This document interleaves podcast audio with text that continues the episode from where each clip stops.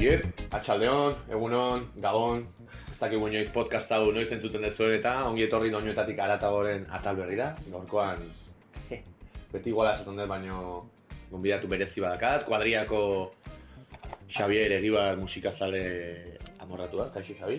Kaixo, egunon, atxaldeon, gabon, berriz.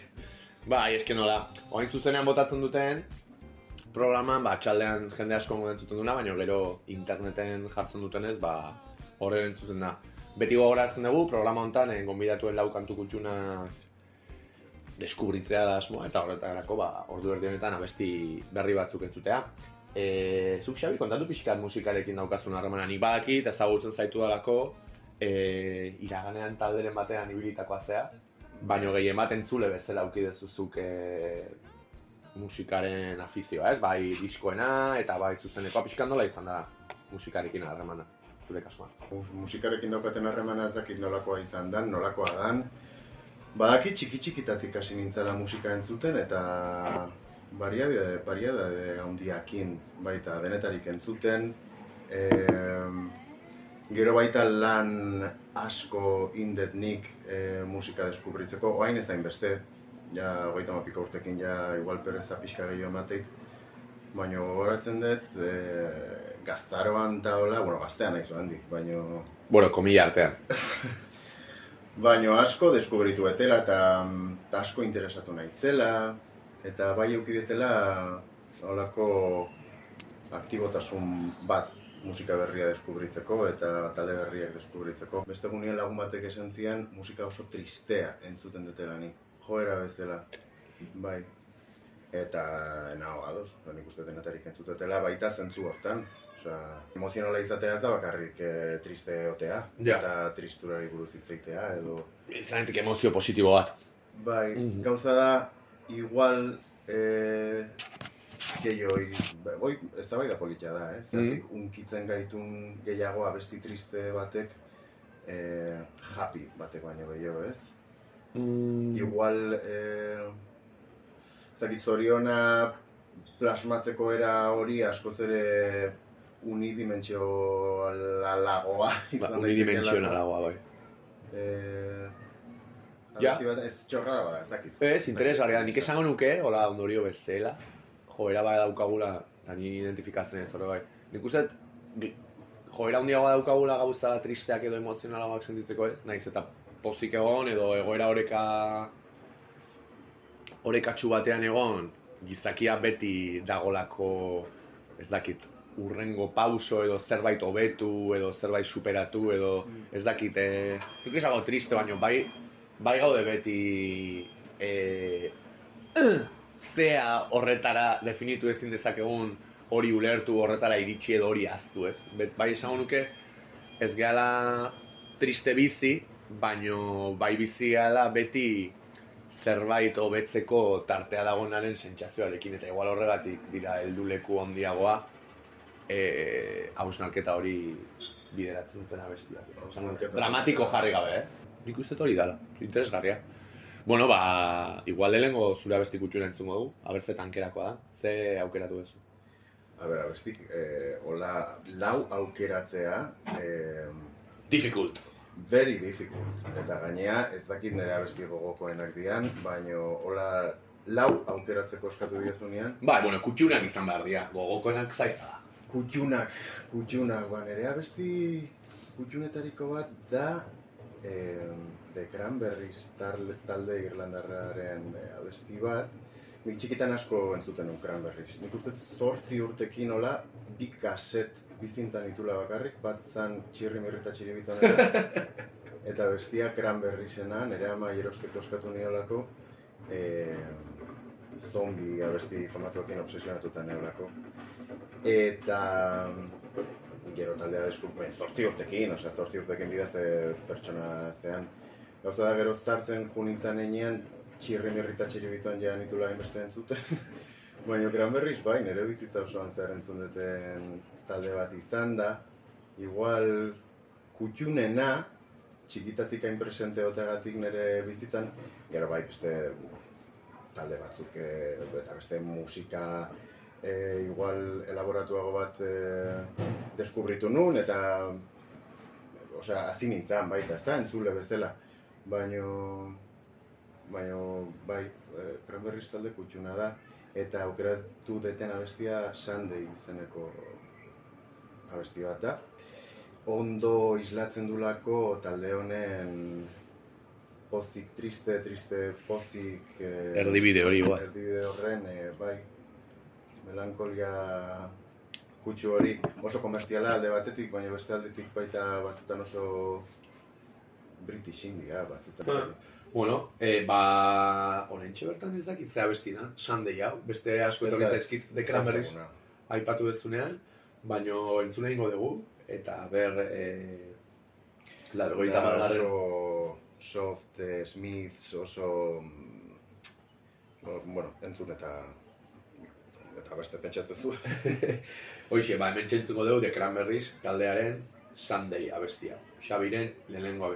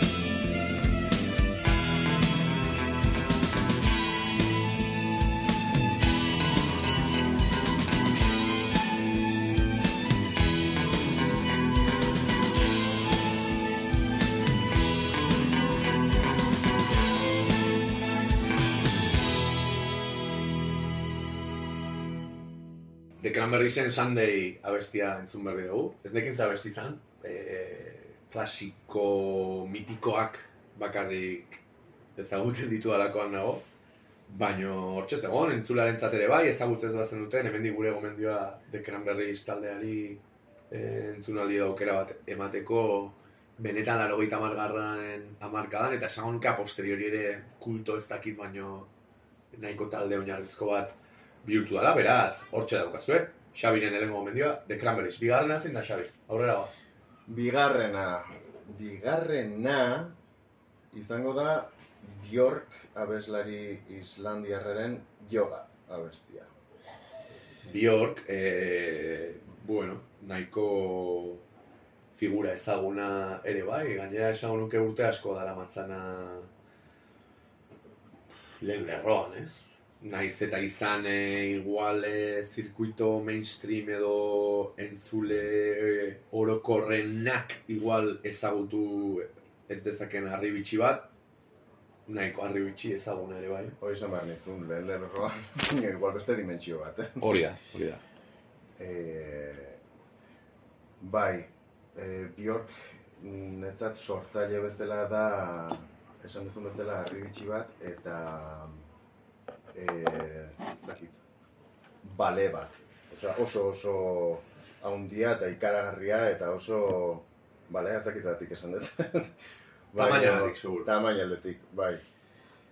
Iruitzez zait, e, gaina aspaldi aspalditik izan zela oso vanguardista, e, musika sortzen, estiloak nasten, e, baina gauza guztiz berri bat sortzen, eta laro gita margarren amarkadan izan zen, esan duten bezala, bai, lehenengo lorrean zeon, baina beste movida baten. Osea, nahi iruditzen zait, e, gainez musikari bezala bakarrik, pertsona bezala, elkarrizketak eta entzuten baituzu, pertsona esatet ez ezagutzen pertsonalki, gustatuko litzai baina iruditzen zait e, bomba bat.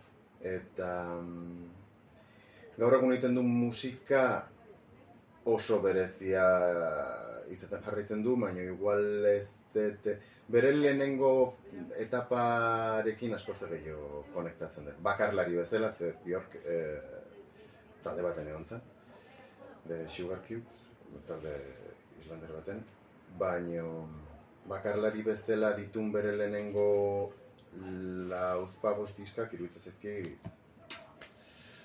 oso oso onak. Eta mm, yoga abestia da homogenik izeneko diska baten e, sartzen den kantua. Eta gogoratzen baita zortzi urtekin ezakit, baina oso kasten nintzanean, aur bat nintzanean, e, handoainen nire lengusu bati ikusi niola hor apalan zitun zeden artean disko bat hau zala, homogenik, eta zeukan portadakin flipatu ginen. Bjork da, bera, ateratzean aportadan, eta da hon, zakit, martziana bat bezala mozorratuta e, beldurra ematen du. Eta esan bai zer da, osea, esartu zitzaiten gogoa, entzuteko, aber horrek ze, ze, ze soinu zeukan.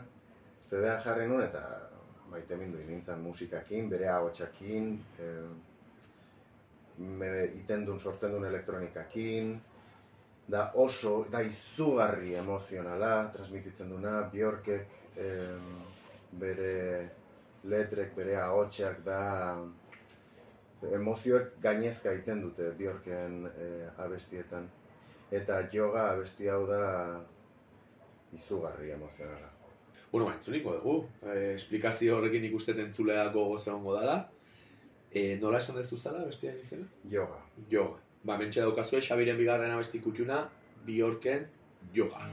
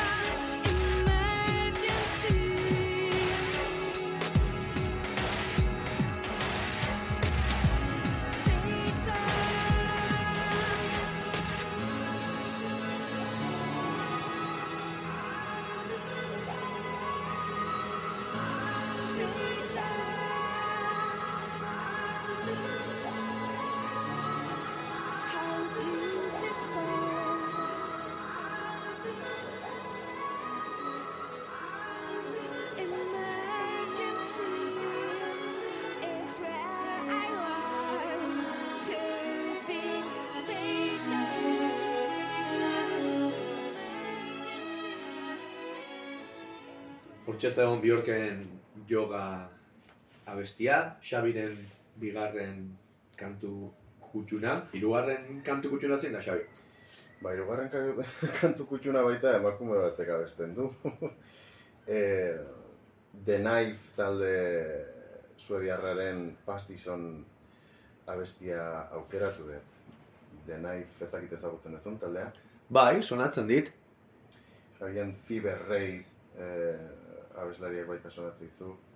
Fiberreiek sonatzen dit zu pasatzen nialako gorro guina pedo bonaiko da abesti bat. Bai.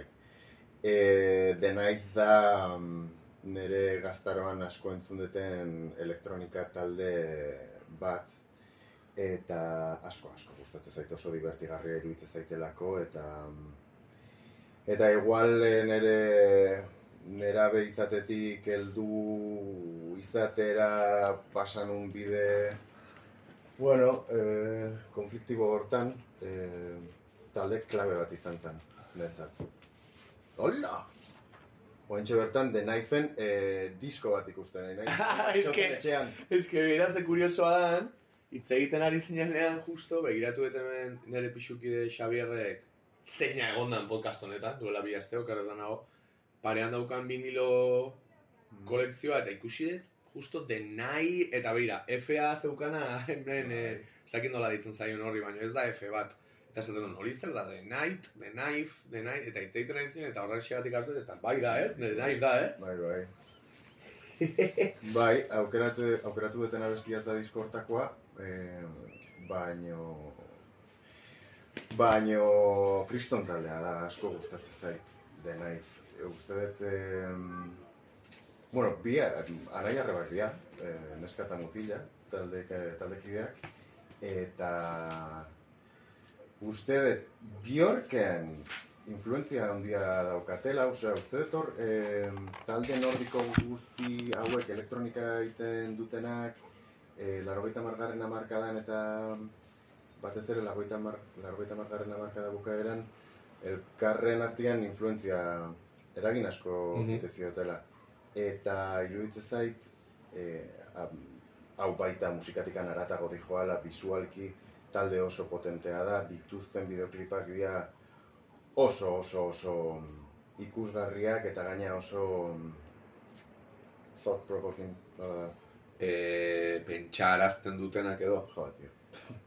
oso oso pentsarazten dutenak Hombre, thought provoking, eh, esan nahi du, pentsamendua provokatzen duena, ez? Hau da, bai, eragiten duena hausnarketa edo. eta oso queerrak eta oso mm, heteronorma usten duten eh, kodigoak erabiltzen ditu The Knifek. Eta da oso ambigua, binarismoa usten duna baita, em, e- eta guzti hau, karo, nire gaztar hortan izan zen, e, ba, klabe da, hobeto senti arazten indulako musika honek, ulertua sentitzen nintzelako, em, eta oso dantzagarriak dialako beraien doinuak, eta aukeratu duten abesti hau pastizon dalako klasiko bat, ez dakit eh, ez autuko dezuen, baina pelikula askotan atera da, Xavier, eh, Xavier Dolen zinemagilearen eh, eh, pelikula batzutan, em, bueno, indie elektronika genero horren barruan oso ezaguna da Knife eta abesti ere bai. Ba, entzun dugu, Xabiren irugarren abesti kutxuna, The Knifeen Pass This On.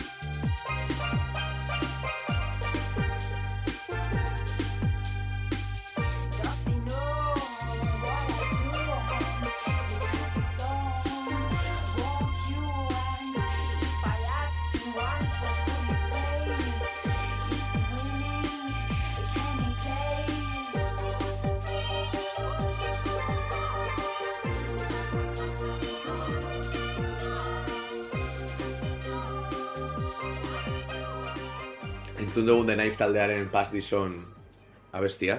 Ea Xabi, ez duen ezagutzen, beraz, eh, eskerrik asko. Aurreagoa, zein da, akarri nahi izan diguzun azken abesti kutxuna?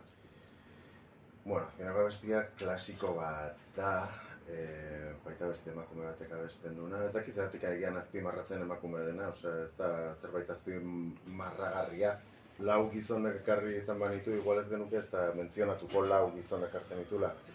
Baina, bueno, laugarren emakume hau, Anari da, e, Anari abeslariaren harriak abestia aukeratu dut. Klasik. e, bueno, bestia hau iruditzen zaitelako ba, beste bale bat. e, oso oso ondia, ikaragarria, e, zentzu guztitan. Gaina iruditzen zait, estruktura oso kuriosoa daukan abestia dala, ez dauka estribillo definiturik, oso mm, melodia aldetik baita mm, ez da oso ez, ez dakit, berezia da. Eta letra iruditzen zait, e, ba, beste munduko zerbait, e, bueno, anariren letra guztik orokorrean iruditzen zaizkit, e, ba, etxeko fi- frigorifikoan e, jartzeko letrak, osea, goizero irakurriko nituzken letrak. E, baina abesti hontakoa iruditzen zait epikoa da, abestia. Ba, bai, nik uste dut entzulearen gehiengoak eh, ezagutuko dutela, anariren harriak abestia, eta ala ez balin bada ez horregatik, zen, eh, eman xabiri, zen irutzen zait izugarrizko deskubrimentua egingo dezuela. Abesti honekin agurtuko ditugu entzulak, Xabi, eskerrik asko gomita onartzatik. Zuri, zuri gartxot zuei. Eta zuei entzulei eskerrik asko bestalan egoteagatik. Bagoa zuren goazter arte, anariren harriak abestiarekin. Aio! Aio! Nik besoa eman zuk esku hartu